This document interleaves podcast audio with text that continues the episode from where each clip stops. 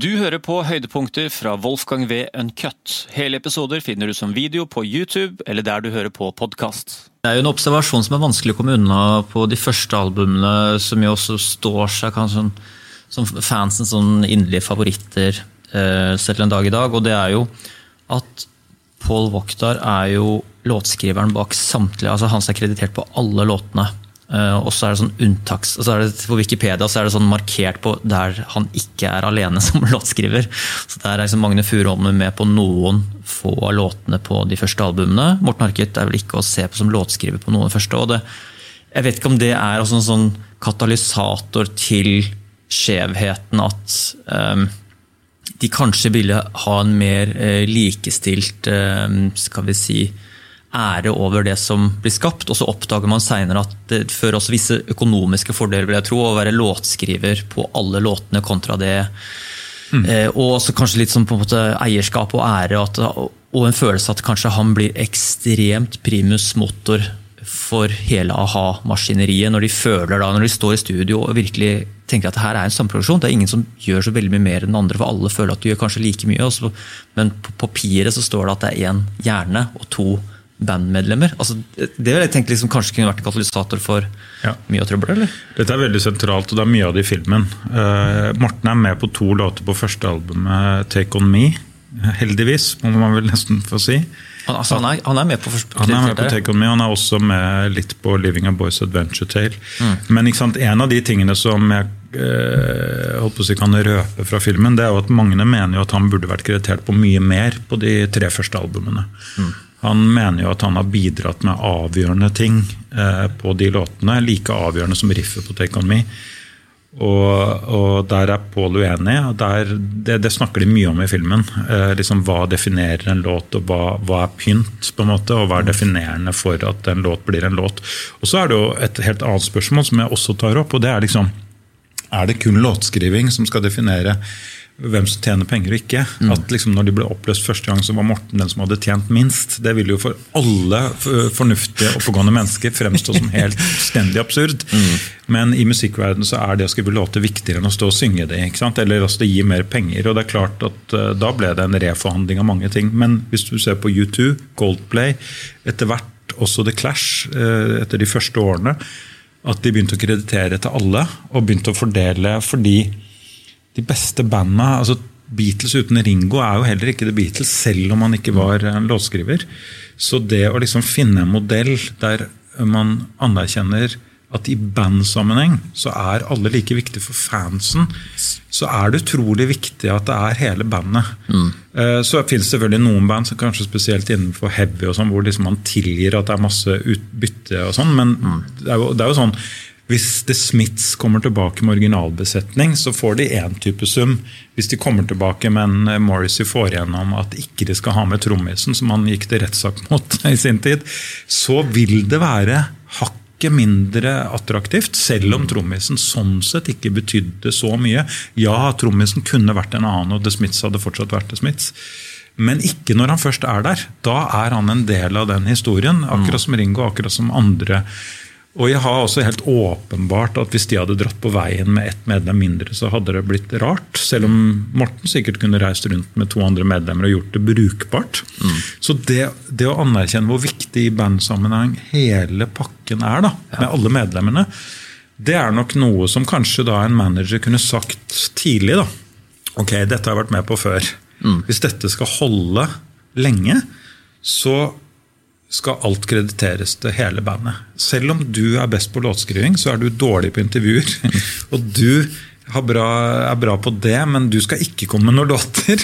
Og du kan komme med noen låter, men da får du godta eh, at, de no, at det noen ganger ikke blir Og det må du også godta. Type, altså sånn En manager som virkelig var den voksne, som så det der komme. da. Mm. Men det er klart, den tradisjonen Paul og, og Magne kom fra, var jo Lennon McCartney. Og jeg tror nok mange Magne ganske tidlig foreslo Len McCartney, og som Paul nok sa nei til, fordi Paul var en mer utviklet låtskriver tidlig. Mm. Og så kan du se det litt fra Pauls side òg. Si at liksom, skal, hvis jeg har skrevet 95 av en låt, og så ser det ut som det er 50% fordi det står begge to. Mm. Men det var jo det Len McCartney gjorde. da. 'Yesterday' har jo John Lennon hatt null med å gjøre. 'Give Peace a Chance' var jo Paul McCartney eh, på den andre siden av kloden når den ble laget. og sånn, Men de valgte det, og det valgte ikke eh, Sånn ble det ikke med de to.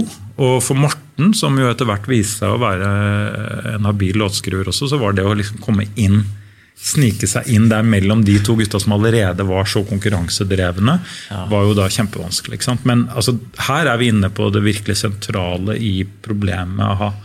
Det er, det er det, fordi når Bare sånn som f.eks. når a-ha spiller en konsert. altså sånn, I siste del, når Pål Voktors låter, eh, klassikere, kommer på rekke og rad, da løfter konserten seg til et nytt nivå. Ikke sant? Og så har har Magne vært med på to av låtene. sånn at han liksom er ikke engang kreditert på de låtene han faktisk har vært med på. Og så mm. mener han at, at, han har vært med på de andre. Da får jo Pål selvfølgelig all ære for eh, liksom at siste del av konserten løftes opp. Og når Magne leser det, så syns han ikke det er gøy. ikke sant? I det hele tatt. Mm. Det, er, det, er, kjempesentralt. Interessant. Altså det, og det er helt åpenbart for oss utenforstående og i etterpåklokskapens navn å se på de suksessbandene som har fått det der til å funke. så er det sånn der, Den YouTube-modellen har jeg hørt om veldig mange ganger. så jo, jeg vet ikke helt om det er riktig, ja, men det høres jo sånn ut at de har hatt en jevnbyrdig fordelingsmodell eh, gjennom alle år som som sørga for å, det virker som det har vært en veldig sånn sammensveisa gjeng i, i, alle år. Da, med sine gnisninger, selvfølgelig, som jeg regner med alle har. men jeg syns det var sånn, som en sånn hobbymusiker og artist selv, uh, og bare det samarbeidet med andre produsenter sånn, Hvor mye hassle det er med det. Og, det. og, jeg skjønte ganske tidlig bare fy faen, altså artister eller band som reiser rundt sammen. som er på reisefot, du vet jo, Du kan være på reisefot med, med gutta eller med svigerfamilien. Hvor mye bråk og faenskap og hvor mye uenigheter og, og hvor kjipt det er. Og et band skal greie å holde sammen gjennom tykt og tynt, gjennom nedturer, økonomiske skjevfordelinger. At band holder sammen på tross av alle disse tingene her, er jo ekstremt imponerende. Jeg tror, liksom, jeg tror ikke man skjønner hvor vanskelig det er å holde sammen som et band i tillegg til at man blir, går fra å være ungdom til voksen også. Man forandrer seg, man, man blir ulike. Man, man, eh, man, blir forskjellige, rett og slett. Og, det, og, så skal man holde sammen på tross av alle disse tingene. Ja, ikke sant? Og jeg er sikker på Morten fortsatt føler seg som han der nye i bandet eh, den dag i dag, fordi at han ble trukket inn av de to andre. og jeg, Mange bandsammenhenger er jo sånn type, Det er noen venner ikke sant, som sånn her skal vi to starte band. Du, mhm. begynner, du, kan spille gitar, og jeg kan spille bass. Ok, men Da trenger vi en trommis og en vokalist. Og Så begynner du å lete etter noen, og så finner du noen, og så fungerer det. og Plutselig så har du platekontrakt, og så mhm. plutselig å ja, nå skal vi liksom holde sammen i tykt og tynt. Men han, han, der var jo bare en som vi trodde var god på trommer. Vi ble jo ikke egentlig kjent med han ordentlig. Altså, ikke sant? Og så mhm. er det også sånn ja, men du tar med trommer. Uh, nei, uh, og du tar med gitar, og du får noen til å kjøpe. Så kommer man alle da med hvert sitt instrument inn i dette øvingslokalet som man kanskje spleiser på. Mm. Og så begynner man å ha litt sånn utgifter, og man spleiser, og alle er på det samme nivået. Mm. Og så plutselig så får du gjennombruddet, og så blir én søkkrik. og de andre altså, Det er jo litt vanskelig å holde samme dugnadsånden oppe da. Ja, det er jo det. Så det er, det er jo innlysende at du må liksom prøve å bevare noe av det. Mm. Og det er jo ikke noe tvil om at Bono er, i stor grad er sjefen for U2, og The Edge liksom, til en viss grad er liksom, nestkommanderende. Mm. Og at de to andre liksom, er litt mer sånn. Men samtidig er det, en, er det jo sånn kjent sak at trommisen er liksom bullshit-detektoren. da, så han liksom, Hva er dette for noe jævla dritt? og da og da blir det jo sikkert også sånn litt at oi, jeg gruer meg til å vise dette her til Larry. Han kommer sikkert til å hate det. Uh, og, og jeg, jeg, vet at det er, litt, det er litt sånn i DumDum Boys òg, f.eks. Kjartan skriver det meste av musikken. Mm. kom Aslak Dørum etter hvert. Men da er jo prepper det liksom Er dette bra eller ikke? Sikkert Sola også. Mm. Så, så, det er nok og da, Men da er spørsmålet liksom Ok, så jeg får, får liksom en tiendedel betalt for å si ja og nei til dine låter? det var så absurd opp. Altså, ta ta min forelskelse i a-ha. da, altså, som, som, barn eller, eh, og tenåring, når du gjerne forelsker deg i en artist, og sånt, så er det jo revnende likegyldig hvem som står bak, og hvem som er låtskriver. og sånt, og det er jo verdien og kraften av gjerne den som synger, som er frontfiguren. Altså Morten Harket var jo selve magien for meg, og det som gjorde a-ha for meg i ung alder. Og så kommer man at det er et større spill. Er, altså, det er jo ikke han alene som lager musikk nå, men bare det at han skal ha den minst eh, At det skal være såpass skjevt utbytte at det er en så sentral, essensiell figur i a-ha, som egentlig definerer a-ha med liksom fasetten sin og måten å synge på, signatur, typen, hele pakka. da, altså det, altså det, er jo, det, det, det, skjønner jo det der var liksom Som du sa i sted, at det er jo helt absurd å tenke på at han, at han uh, sto som tredjemann i, i den trioen. da.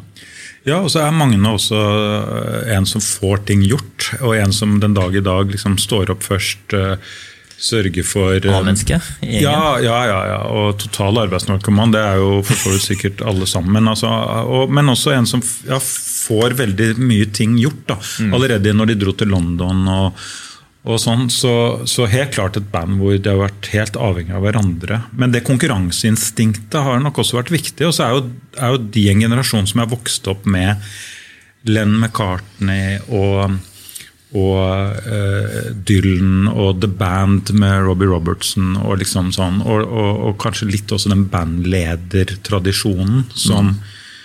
som uh, Ja, som, som, de, som da Paul Paul anså seg selv som bandleder i starten, noe mange, ikke er enig i. så, så det, det, startet tidlig. Og så, og så kan du snakke med folk om liksom det er jo folk som sier jo, men ærlig talt, Pål skriver, skriver jo de beste låtene. Uansett hva Magne har bidratt med på den og den låta, så er det jo liksom ikke sant? Og, sånn, og så er det andre som sier ja, men du vet at det var Magne som skrev den låta. Liksom. Å, er det sant? Mm. Ja, Det visste jeg ikke. Ok. Eh, eh, så, så, det er noe som har blitt litt skeivt. Det er kanskje også fordi at noen av de første låtene Magne skrev sjøl, 'Love Is Reason' er, er, nok han viktigst bak. 'Cry Wolf' uh, og også den 'Maybe Maybe' som var på, på Scoundrel Days. Mm. Liksom har vært låter som har, vært, har, fått litt mer pepper for å være litt sånn enklere låter. Mm. Det, men samtidig 'Stay On This Roads' er jo en av hans absolutt store klassikere. og Det er jo, det er jo 90 mm. på melodi en Magne-låt, men som Pål har skrevet tekst til og er derfor kreditert som om han mm. var veldig viktig del av den, den låta òg. Så, så, det går selvfølgelig litt begge veier. Men jeg tror, jeg tror det beste hadde vært at liksom det bare var alle tre som var kreditert på alt. At, uh, fordi at alle vet jo at Paul McCartney har skrevet 'Yesterday', selv om den er kreditert til begge to. Mm. Alle vet jo hvem som og, og, det er jo selvfølgelig delvis pga. at de sang sine egne låter. Uh, men det var jo ikke alltid sånn. Uh, og, og, noen ganger så fant man jo ut at den andre eh, kanskje kunne passe bedre til å synge låta likevel. Mm. Og jeg tror nok det ikke hadde vært noe vanskelig å få frem hvem som var si, hjernen bak en låt, selv om alle har bidratt. Mm. Jeg tror tiden har forandra seg veldig på hvordan det der å kreve låtskriverrettigheter og, og, og få en cut av en låt altså er, Jeg husker ikke hva det der sayingen er, det er noe sånt morsomt rim. Eh, men du, du, skal ikke, du, skal ikke, bidra mye, du skal nesten bare kunne se eller høre på en låt og komme med en kommentar. Så visstnok er det tilstrekkelig for å kunne liksom, kreve en 2 kutt av altså For at du har påvirka åndsverket i en eller annen grad, bare å bli spurt om, om ting. Så det, det, skal fryktelig lite til for at du kan kreve faktisk eh, den ting i, i dag. Da. Og det er jo kanskje noe også kanskje Magne Furuholmen oppdager sakte, sikkert at her, altså, jeg har nå i hvert fall, om ikke 1% så har jeg kanskje 5 eller 10 på denne. Minst. altså Fordi jeg har jo bytta arrangementet hit osv. Så Sånne ting som man glemmer når man sitter i studio, at man plutselig forandrer kurs og hvordan låter Spesielt på den tida her hvor låter blir sannsynligvis veldig organisk til. Hvor man uh, finner opp uh, forskjellige stykker, vers, refreng, og så endrer man og, og stokker om. Uh, som også var veldig gøy med den Bee Gees-dokumentaren for øvrig. Å se hvordan jeg skrev på Facebook hvordan ekte musikk lages. Fordi man er så i en annen verden nå, hvordan musikk spilles inn eh, med instrument for instrument, og hvor klinisk det er, hvor lite støy det er på musikken. Og se hvordan, hvordan låter ble til i, i, gamle dager. Og den prosessen der som man har forlatt fordi det er så kostbart. Mm. Men vi kan bare se liksom, hva sitter vi igjen med nå av kvalitet kontra da. da. Det er jo ganske interessant, for at for på en låt som som um, I've Been Losing You, så er det et utrolig stilig bassriff. Du, du, du, du, mm. du, du, du. Og det, det gir en enorm fremdrift i den låta. og Ifølge Magne så er det hans bassriff. Hvis, hvis da hiphoper hadde sampla du, du, du, du, du, du, du, du, og så begynte å, mm, mm. å rappe opp på det eller en instrumentalmix eller whatever, så ville jo på en måte ikke Magne fått noen ting ut av det, fordi han ikke er kreditert overhodet. Mm. Og Det er liksom litt utfordringen, da, når, når, vi får en verden med sampling og vi får en verden med liksom mm. at, uh, at, du kan komme inn og gjøre koringa på Pink Floyds Great Gig in the Sky, eller du kan gjøre saksofongreier på den der Jerry Rafferty-låta, eller du kan uh, gjøre bassen på, på, på Walk on the Wild Side uh, av Louis Reed. Mm. Og de, de, elementene er så ekstremt avgjørende for den låta, men ingen av de er kreditert som låtskrivere. Og så kan du si at De låtene kan også gjøres uten. Eh, et veldig godt eksempel på det det er faktisk 'Blinding Lights', 'Weekend'.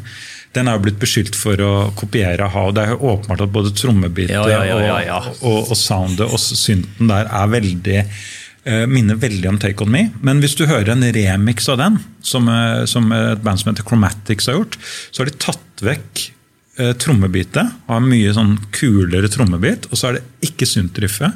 Men refrenget og verset er der fortsatt, så låta er fortsatt 'Blinding Lights' også uten. Så det er litt begge deler. Ja, en låt kan også gjøres Take On Me kan gjøres akustisk uten riffet. Hvis, hvis, hvis ikke Magne legger det inn på piano, liksom, så kan den spilles rent på kassegitar. Det er en låt også uten, men det riffet har vært ekstremt definerende for at låta ble så stor hit. Kanskje den hadde blitt på en måte bare en, mm. en fin låt uten. Nevnte gutta altså den Weekend-låta i en av samtalene? Nei, det gjorde ikke det, men Jan Omdal, som jo skrev boka om a-ha, eh, nevner den eh, på et tidspunkt i filmen. Helt på den låta kom jo egentlig når vi var nesten ferdig med å klippe, og sånn, så jeg har ikke snakket med dem direkte om det. Eh, men, men, det, men det er liksom på en måte har alle rett her, fordi at på en måte så, så er en låt det du synger med kassegitar, men på en annen side så er det som løfter en låt enda et hakk, kanskje noe som ikke du får med på den kassegitaren. Mm. Så, du, så, så, det er, det er en utrolig vanskelig greie hvor det, det det fins egentlig ikke noe helt definitivt svar. Jeg kan liksom både forstå han som har skrevet 90% av en låt, og plutselig anses for å være bare en tredjedel eller en, fem, mm. en halvdel av en låt. Og kanskje liksom har skapt den hjemme hos seg selv med en veldig klar visjon osv. Og, så og så kan jeg også forstå den følelsen av at ditt bidrag, som selv om det bare er 5, 10, 15 eller, eller eller 50 mm. måtte ikke bli anerkjent i det hele tatt. Så det er det er noe i psykologien som heter ankereffekten, eh, som jeg husker jeg leste i Daniel Kahneman. og Det er jo sånt, et sånt forhandlingstriks. At eh, du går ut, hvis den som går ut med første summen, blir ankeret for diskusjonen. Du, kan, du, fjerner deg ikke så veldig langt fra ankeret hvis du sier at dette er 10 millioner kroner. Da. Mm. Så er det veldig vanskelig å komme seg, det er veldig vanskelig å kontre med 3 millioner eller 17. altså helt forskjellig vei. Så det trikset da visstnok for å unngå de smarte forhandlerne sitt anker, er å storme ut av møtet, forhandlingsmøtet. Hvis liksom, de foreslår en sum som er ute, så da blir naturlig utgangspunktet for samtalen. Så skal du bare gå rett ut av møtet og kreve et nytt anker. Da, uten å bruke ord anker. Men altså, det, og det er jo egentlig ganske logisk. og da tenker jeg sånn, aha, så er jo helt klart ankeret her at Paul Wachter har skrevet altså, Han er låtskriveren og har liksom vært det på første albumet. og Da er det veldig vanskelig å orientere seg Eh, eller forhandle i det forhandlingsrommet når han er så definitivt eh, primus motor, låtskriveren, at å gå fra derfra og skal diskutere videre er nesten håpløst. Så de burde bare begynt på, på, bar bakke, da, sånn igjen etterpåklokskapens navn. da. Ja, Det er riktig, fordi i starten så, så var Magne bedre på biter av låter. Og, og, skrev dessuten ikke tekster, så selv om han hadde kanskje en hel låt innimellom, absolutt, så skrev han ikke tekstene, så da kom Pål inn allikevel. Eh, og kanskje også lagde melodilinjen, altså vokallinjen på låta. Så det var veldig vanskelig for han å lage en låt helt ferdig alene i starten. I Bridges, liksom bandet før a-ha, og sånt, så, så var jo Paul eh, liksom rett og slett kommet litt lenger i låtskriving og, og tekstskriving. da. Mm. Og så, og så og tok, og, og Veldig sentralt, ett år eldre. Når du er ikke sant, barn og tidlig ungdom, mm. så er det å være ett år eldre har enorm betydning. Og det er liksom umulig å ta igjen, bokstavelig mm. sagt. Mm. Eh, så det, det, har også vært avgjørende at han var på en måte sjefen eh, i starten. Ja. Den sjenerte sjefen som, som ikke fremsto som noe sjef, annet enn i studio. Og mm. da fremstår han veldig som sjef.